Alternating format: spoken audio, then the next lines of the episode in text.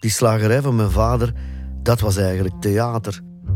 De winkel was over de middag gewoon open. Zaten we net met het hele gezin aan tafel in de huiskamer. Die afschuwelijke, tyrannieke bijl. Dan trok mijn vader het gordijntje weg. Stond er zo'n bejaarde huismoeder die zo nodig op het middaguur boodschappen moest doen. In plaats van s ochtends in de winkel te komen. Het is godverdomme weer dat rotwijf, zei je dan. En op hetzelfde moment opende hij de tussendeur al en dan was het... Ah, madame. En hoe is het met uw been nu? Is het nog niet afgezet? En dan had ik het gevoel dat ik tussen de coulissen zat mee te kijken.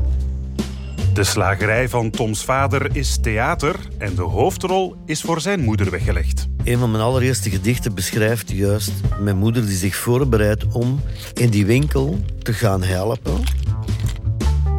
Ze bereiden zich echt voor om op te treden, opgetut en wel, in die winkel van mijn vader. Zoals ik haar dan wel veel uitgebreider ook zag zien schminken en klaarmaken en verkleden. Om uh, op te gaan treden in de rollen die ze dan deed. Toms moeder speelt niet alleen haar rol in de slagerij, maar ook in het liefhebberstoneel in Sint-Niklaas. Dat zijn toch dingen, dat zijn toch dingen. En weet je wie ze nodig hebben? Ah, dat doet moeder, papa. Lot ze om de Junior goed en schiet met een boel zoals ze niet genozen Dat gezin van Pamel, ze heeft dat heel vaak gespeeld. Nee, dan gaat die gazet weg. Het zou misschien zo erg niet zijn als ze gepest. Mocht hij daarvoor hebben uh, mogen hebben studeren, die zou absoluut een professionele carrière hebben kunnen maken.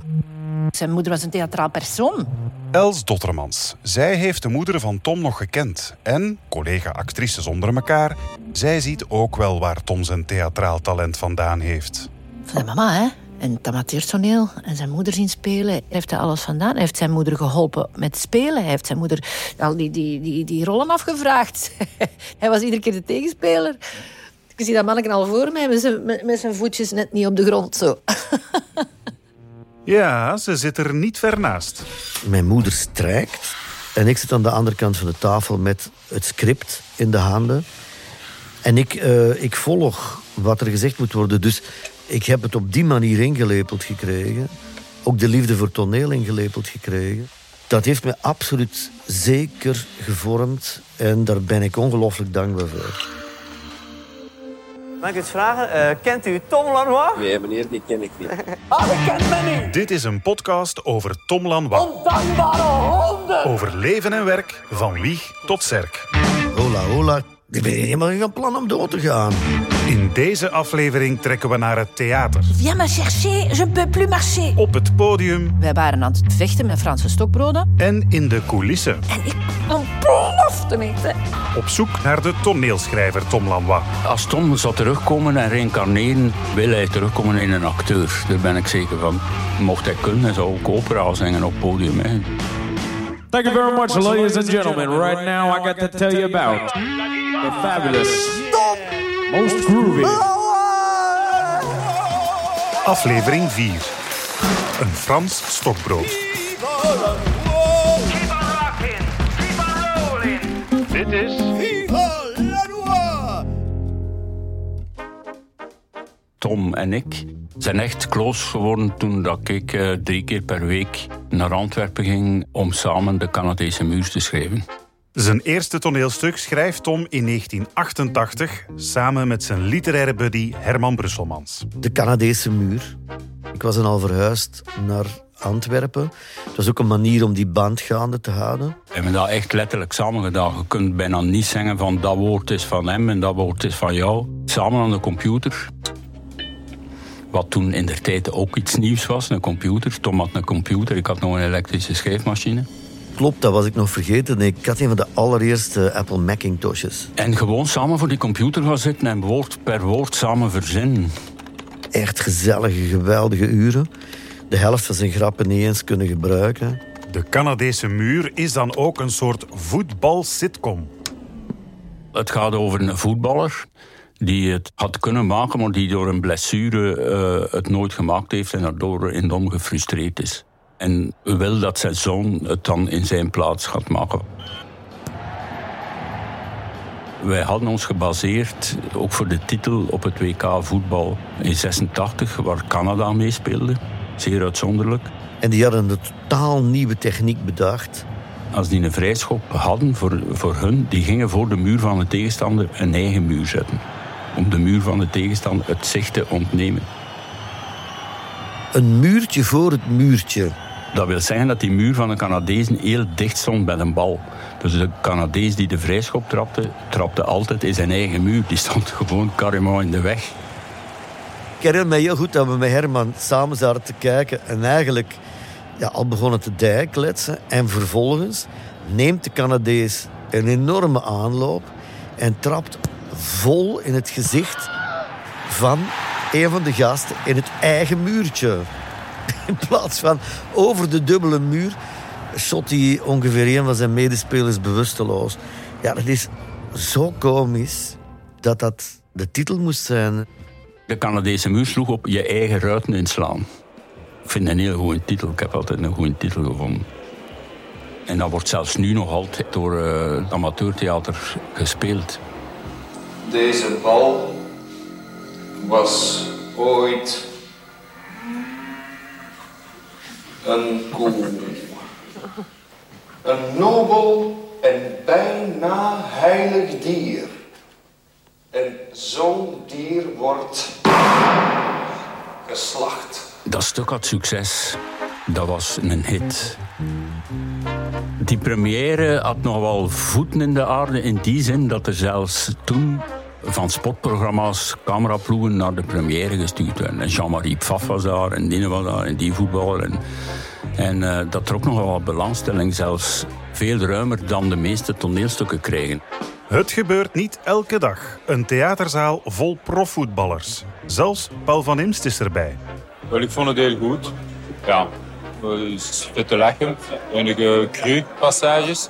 Hij vond het vet te lachen. En ook de gesponsorde hemdsboorden van Jean-Marie Pfaff hebben tijdens de première hartelijk meegeschud. Ik vond het formidabel. In het begin was het een beetje moeilijk om het uh, te verstaan natuurlijk. Hè? Maar uh, de tweede helft uh, vond ik echt nog prachtiger. Om, dat was interessanter ook om te kijken. Vind ik zo prachtig. De, de tweede helft was beter. Kijk, als je Jean-Marie Pfaff meekrijgt als toeschouwer bij een toneelstuk of als lezer van een boek, dan heb je het ver geschopt eigenlijk. Hè. De Canadese muur krijgt zelfs een onverwachte spin-off op televisie. Ik maak me sterk dat de inspiratie om FC de kampioenen te maken eigenlijk vertrokken is vanuit de Canadese muur. Het succes van dat als voorstelling en het idee van voetbal kan een onderwerp zijn. In zoverre dat Herman en ik zelfs gevraagd werden om mee te schrijven. En we hebben nog allebei de eerste afleveringen gelezen van FC de Kampioenen.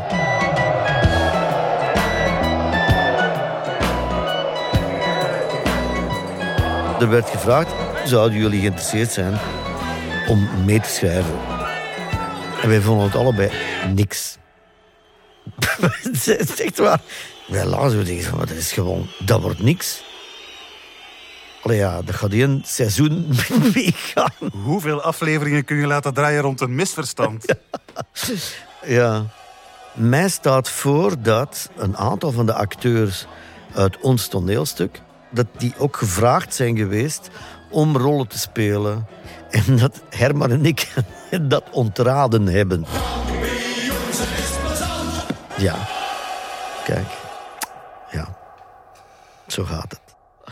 Dus je ziet, uh, ja, kijk, dus uh, we hebben ons daar uh, grondig en totaal in vergist. FC de kampioenen. Misschien is dat wel mijn belangrijkste rol voor de Vlaamse cultuur geweest. Ooit.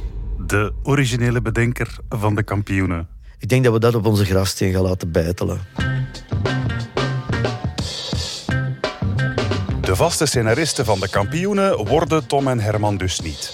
De Canadese muur zal zelfs hun enige samenwerking blijven. Dat stuk had succes en toen was er van mijn kant vooral het idee, we gaan dat nog doen.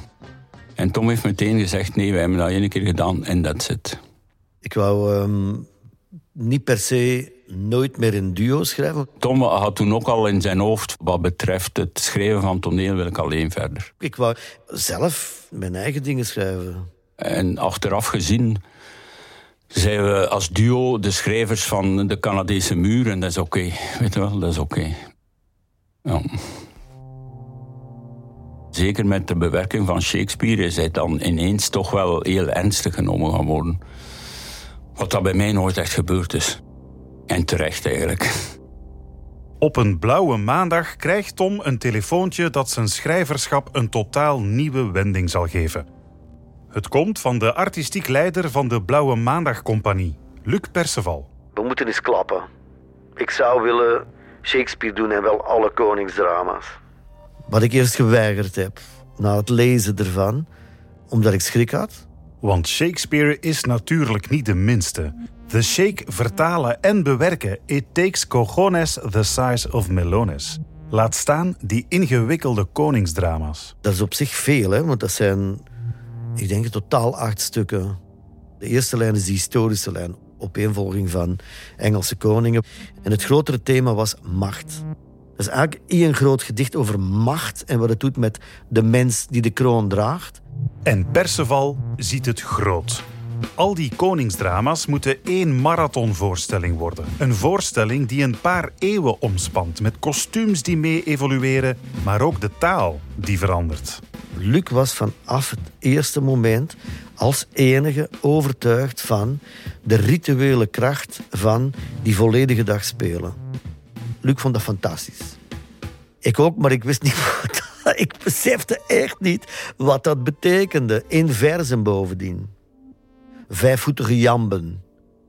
Dat klinkt fantastisch, maar begin maar eens te schrijven. Ik heb me vaak gevoeld als iemand die helemaal alleen in een klein dobberschuitje in een oceaan van taal bijna aan het kapseizen is en uh, alle kanten heen wordt geslingerd. En de enige die af en toe langskwam en die wist waar we mee bezig waren, dat was Perceval. Ik heb maanden erover gedaan om de techniek van de vijfvoetige jambe onder de knie te krijgen. Alles was eigenlijk mastodontisch aan dat project. Mastodontisch of megalomaan? Want begin van die vijfvoetige jambe maar eens te vertalen. Die hebben wel een dwingend metrum en navenante klemtonen. De wind zit goed. De zee zucht als een laken. Scheep in! En toon die Fransen wie ik ben! Geen vorst van u, indien geen vorst van hen! Geen kattenpies. En zoals het een workaholic betaamt, neemt Tom het werk ook mee naar huis. Ik herinner mij een hilarisch moment, al ja, achteraf bekeken. René, de partner van Tom. Tom komt binnengestormd en zegt van, moet je nou wat weten, ik heb hartstikke hard gewerkt aan een tekst met schitterende, mooie versen in verwerkt. Ik zei, nee, je moet luisteren, ik zal het voorlezen, ik zal het voorlezen. En René legt zich achterover op onze chaise longue. En hij begint die inderdaad schitterende, vijfvoetige jambe-achtige tekst uit te spreken en te lezen en te lezen en te lezen. Maar luister, die vijfvoetige jambe, tatam, tatam, tatam, dat klinkt toch een... En ik hoor na twee bladzijden een licht snurkend geluid naast mij. En ik val in slaap. en dat zijn van die momenten dat je beseft... Wat doe ik die persoon aan? En hij is lachen uitgebarsten. Maar het moment dat hij beseft van... Is het gewoon, is het gewoon in slaap? Te vallen van mijn teksten die zo fantastisch zijn. Dat was een ongelooflijk ding. Ofwel sla ik die persoon nu de hersens in, ofwel, dit is de persoon waarmee ik mijn leven zeer graag zal slijten. Na anderhalf jaar schrijven en voorlezen voor een ongeïnteresseerde René is zijn bewerking klaar. Maar de overwinningsroes is van korte duur. Ik was zo euforisch naar die eerste lezing gegaan. Eindelijk mocht ik het horen. Maar ja, die eerste lezing duurde al een week. En dat was dus met heel het gezelschap en heel veel gastacteurs erbij. Want behalve Els Dottermans doen ook mee Stanny Kretz, Peter van den Begin, Jacob Beks, Jan de Cler, Wim Opbroek, Rick de Wachter, Lucas van den Eyck, Marianne van Vliet, Peter Seina, Kyoko Scholiers en vele, en vele, vele anderen. Dat waren meer dan twee voetbalploegen. En de echte uitdaging moet nog beginnen. Al die acteurs op dezelfde lijn krijgen. Liefst die van Luc en Tom. Dat was een hele broeierige situatie toen bij Blauwe Maandag. En dat was een heel groot project. Waar Luc en Tom al twee jaar ervoor mee bezig waren. Luc was al vertrokken, die zat al twintig kilometer verder dan wij wisten. En ineens werden wij acteurs die iets moesten uitvoeren wat hij in zijn gedachten had. En wij waren niet gewoon, wij waren gewoon samen te werken. Wij waren inspraak gewoon en samen zoeken gewoon en improviseren gewoon. En dit, dat was niet meer aan de hand. Hij had het in zijn hoofd en het ging zo zijn. Ten oorlog wordt een waar slagveld waarop jarenlange vriendschappen sneuvelen. De jongens, ik zal het nu maar zeggen, Peter van den Begin en Stanny Kret, die gooiden de kont tegen de krip. Die waren het er absoluut niet mee eens. Dus het was al heel snel, was het oorlog. Dat was heel heftig. Ik ben nu met beiden weer zeer goed bevriend. Maar ik had het er heel moeilijk mee, omdat ik juist die rol van Hendrik de Zesde echt helemaal voor Peter geschreven had. En die vond er niks aan. En dat was maar één van de grote breuken hoor, eigenlijk in het hele ding. Er zijn mensen eruit gestapt. Pieter Embrechts is mee begonnen te repeteren. Carlijn Sillegems is eh, mee begonnen te repeteren. Er zijn zoveel koningen weggelopen dat ze in feite een ander stuk van Shakespeare drie koningenavond hadden kunnen spelen. Ze hadden zelfs een dubbele cast kunnen maken met, met, met bodydubbels en alles. Met invallers en alles. Dus ik was daar doodongelukkig over. Voor mij persoonlijk was het nog een andere situatie. Want Luc en ik waren toen net uit elkaar. Wij hadden een eh, relatie, we waren toen net uit elkaar. Het was allemaal heel erg uh, kwetsbaar allemaal. En uh, al de rollen, eigenlijk al de grote rollen, waren voor zijn nieuwe vriendin. En ik mocht daar zo'n beetje meespelen. Dus ik was ook al redelijk... Uh, moest ik op mijn tanden bijten. De professionaliteit, dat is iets waar Els mijn hart mee gestolen heeft. Voor haar waren dat hele moeilijke tijden. Maar ik had ondertussen ook al een, een, een, nieuwe vriend. En ik was zwanger in het begin van de repetitie. Daardoor heb ik het eigenlijk heel eh, de repetitietijd uitgezongen, omdat het allemaal als water van een eend van mij af. Ik had een veel grotere opdracht in mijn leven dan deze. Want ik had een veel groter ei te leggen dan uh, ten noorden. Jij werd gedragen door een roze voilà, wolk. Ja. Voilà. Naast mij werd er ruzie gemaakt, werd er gevochten, werd er kanonschoten afgelaten. Weet ik van wat. Kon men niet deren. Daarom heb ik het eigenlijk volgehouden. Ik ben er blijven zitten. En omdat ik blijven zitten ben, heb ik ook meerdere rollen gespeeld. Want er waren ook heel veel vrouwen die het pand verlaten. En is hij toch heel trouw gebleven aan Perceval. En ik vind ook aan mij en aan het project. En aan de Blauwe Maandag Compagnie enzovoort. Enfin, dat, dat is eigenlijk... Als je daarop terugkijkt, was dat toch wel zeg. Dat was waar. Els herinnert zich één repetitie in het bijzonder. Het loopt allemaal wat stroef. En dan komt de regisseur met een ideetje. Jacob Beck speelde daarin, Hendrik IV geloof ik. En toen zei Luc... Speelt allemaal in jullie dialect, we gaan wel een keer kijken waar we dan uitkomen. En ik had echt zoiets van, oh, dat is echt zo'n... Kent dat van regisseurs, dat is zo'n wanhoopsvraag. Van speel het eens in uw dialect, dan gaan, we een keer, dan, dan we zien wat dat oplevert. Dat is echt wanhoop, hè. Dat is echt wanhoop. En het begon ook nog eens dat Stanny Krets kwam kijken in het publiek. En Stanny Krets was eruit gestapt.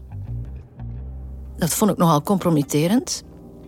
En Lucas van den Einde, die zag dat en die stond recht en die riep... Stanny, jij moet niet daar zitten, jij moet hier zitten.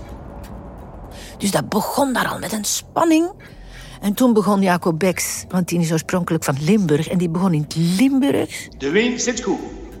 Inschepen en laat die Fransen zien wie dat ik ben. Ik was zo... Ik, kom, ik zeg, het is huilen of lachen en ik kreeg zo de slappe lach. Geen koning van hun, dus geen koning van hun. Ik weet dat ik nog enorm de slappe lach kreeg. En dan moesten we nog fluiten, muziekjes fluiten van Fred van Hoven. ik weet nog dat ik met mijn... Oh, jongens, toch. Het was toch zo... Dat was de wanhoop nabij. En toen was het gedaan na anderhalf uur of twee uur. En we zaten daar en ik zei nog tegen Lucas... en nu gaan ze zijn beat binnenkomen. En je gaat het zien, hè, Luc. En Tom. En Luc Perceval en Jan de Cler. Die twee oudere rotten in het vak wisten, hadden al gezien dat de acteurs het niet zo goed vonden. En dus ik werd een beetje naar voren geduwd door die twee om de entree te maken in de kleedkamer. En ze gaan zeggen, ja jongens, dat heeft toch iets opgeleverd. Wacht, zie het, hè? zie je, ze komen binnen, hè? Dus ik kom als eerste binnen in de kleedkamer. Niets dan lange gezichten. Mensen die aan de schminktafel zitten met hun hoofd in de handen. En ik moest de boodschap brengen van gasten, geweldig. En inderdaad hoor. Ik zeg dat ik het goed vind. Gasten, geweldig. En dus, ik zie echt nog altijd voor me Els die zich als een furie omdraait. En ik ontplofte niet. En toen riep ik die gevleugelde woorden naar Tom. Van, ja, jij vond het goed. En wel, Eilan, in het vervolg speelde u een brol zelf. In het vervolg speelt u een brol zelf. Tom moest er keihard mee lachen. Maar ja, het was een soort, eigenlijk ook een soort ontlading. Dus het gaf een soort van uitlaatklep. Dat is wat er toen gebeurd was. En van, dan, daar zijn we verder gegaan, ja. En ik ben ongelooflijk in lachen uitgebarsten. En dat heeft toen het ijs gebroken. En dat is de band voor het leven ook geweest. Als iemand dat kan zeggen tegen jou, op zo'n moment, heel gemeend. Um, ik weet niet of ik het van anderen zou uh, genomen hebben, dat is, weer een, dat is weer een andere vraag. Van Els wel. En vanaf zijn wij aaneen geklonken. Dat is broer en zus. We zijn vrienden voor het leven geworden. Zij is een van de grote buddies uit mijn leven. Dat is Els Dottermans, absoluut. Tom is mijn maat, mijn toneelmaat, mijn vriend, mijn, uh, mijn schrijver. Mijn, ja, van alles is die... Uh... Wij kunnen heel goed lachen samen. Eindelijk gloort er wat licht aan het einde van de tunnel. Dus uiteindelijk gaan we in avant-première, een volle zaal, de vooruit. Vandaag zou in het kunstencentrum Vooruit in Gent de eerste voorstelling gespeeld worden van Ten Oorlog. We spelen dat en komt in Hendrik V de Battle of Azincourt, een soort van Engelse guldensporenslag. En die veldslag wordt ook navenant een kolderiek stuk. Wij waren aan het vechten met Franse stokbroden, want ik was bij het Franse Hof en wij werden verkracht met stokbroden door de Engelsen. Een van die Engelsen was dan onze Wim Broek. Die op mij springt en ik hoor echt zo... En dan riep ik nog in mijn rol. Viens me chercher, je ne peux plus marcher. Peter Seiname, die heeft mij afgedragen, maar ik kon niet meer stappen. Dus ik, ik was echt verlamd tot hier. Dus ik dacht echt, oh la la, is... Kon, ik voel, dat was gevoelloos.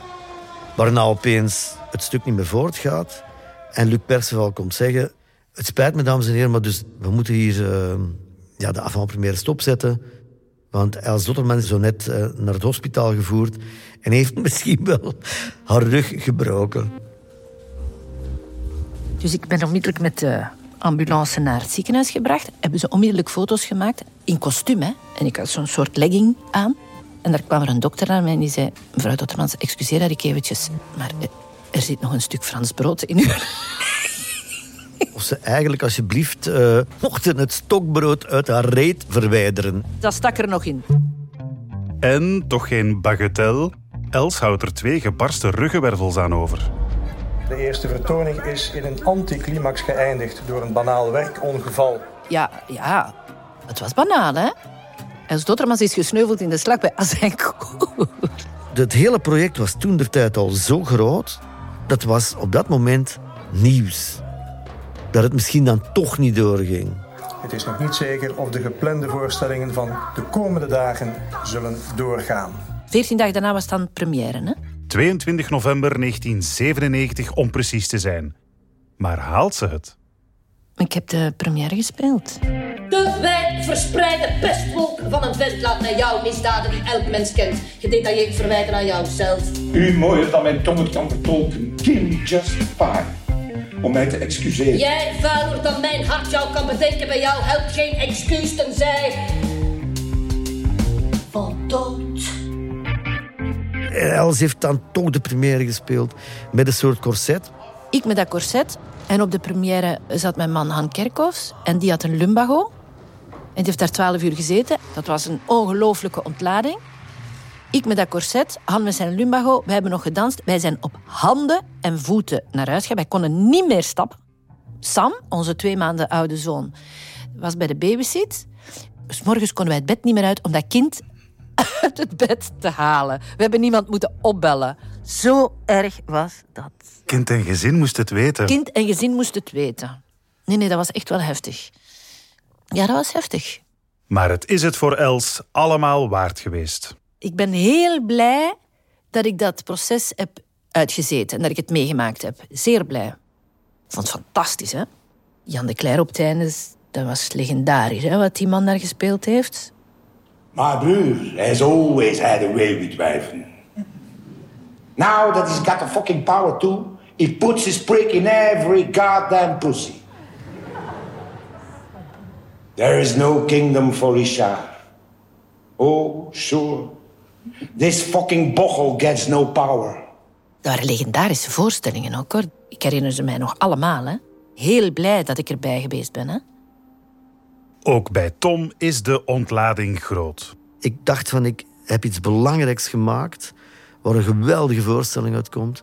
waar ik zoveel geleerd heb. En het is, het is er. Ik ben vrij.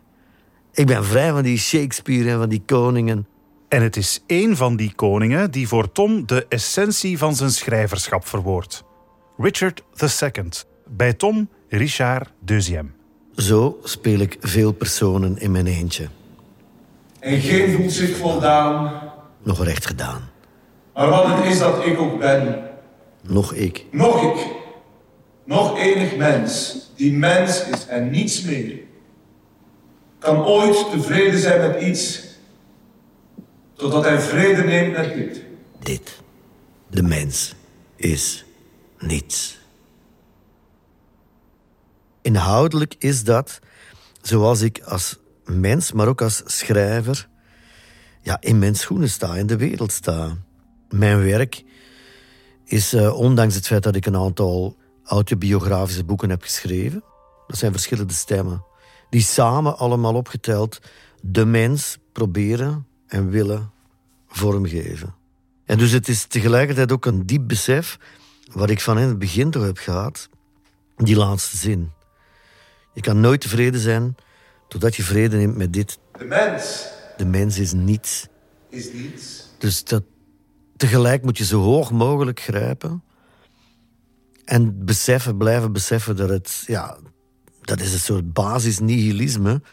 Dat het niets betekent. Maar uit dat niets betekenen moet je juist de kracht halen om alles zo groot mogelijk uit te proberen.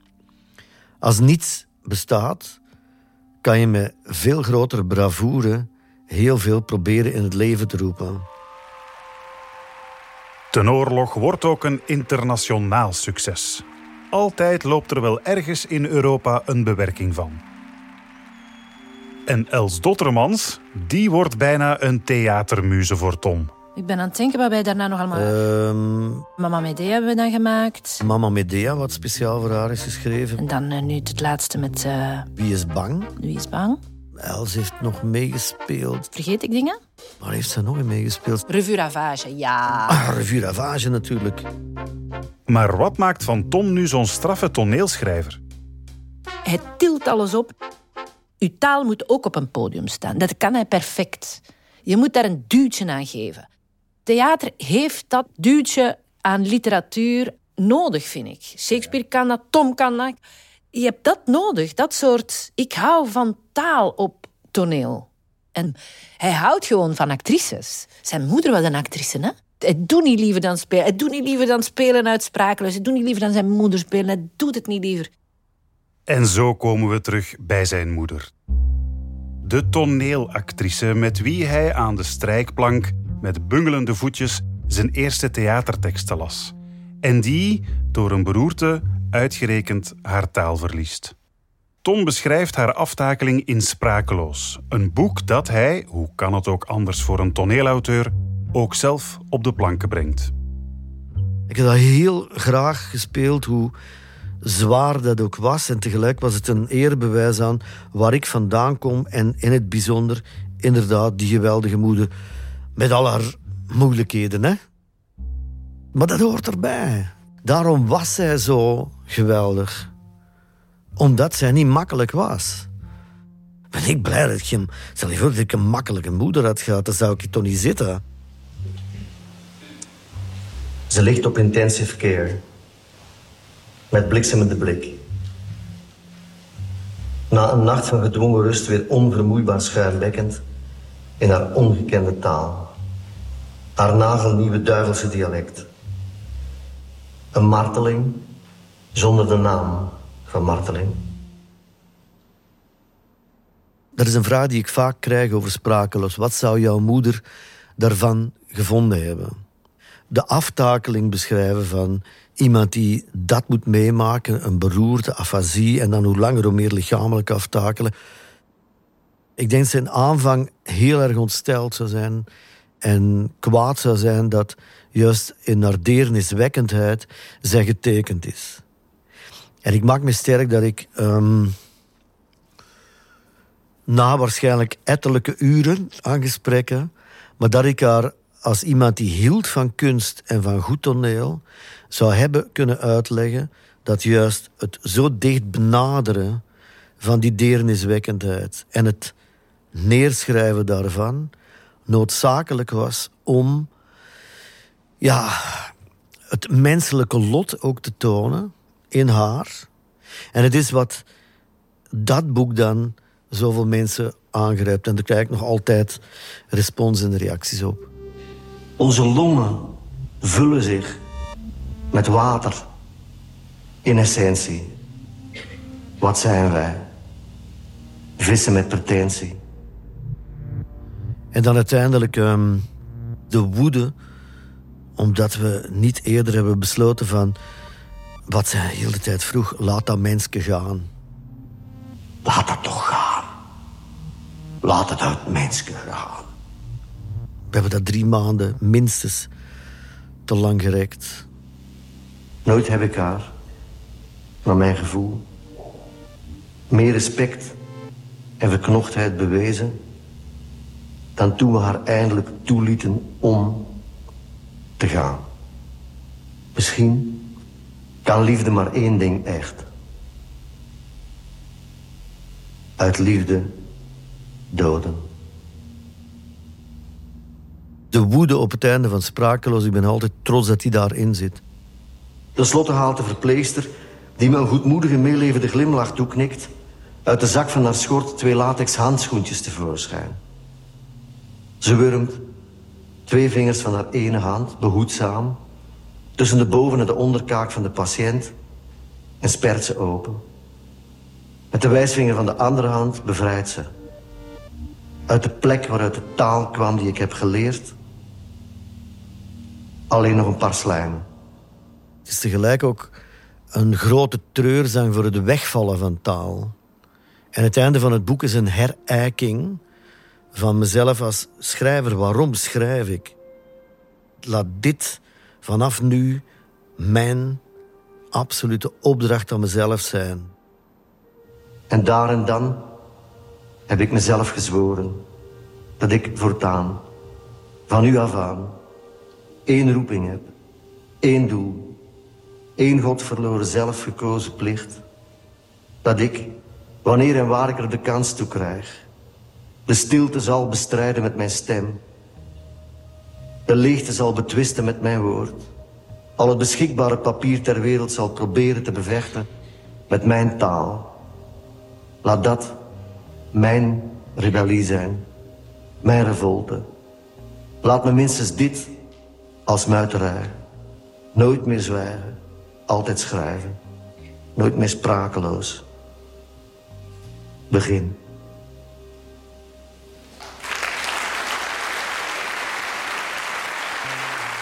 En wij, wij gaan in de volgende aflevering ook terug naar het begin.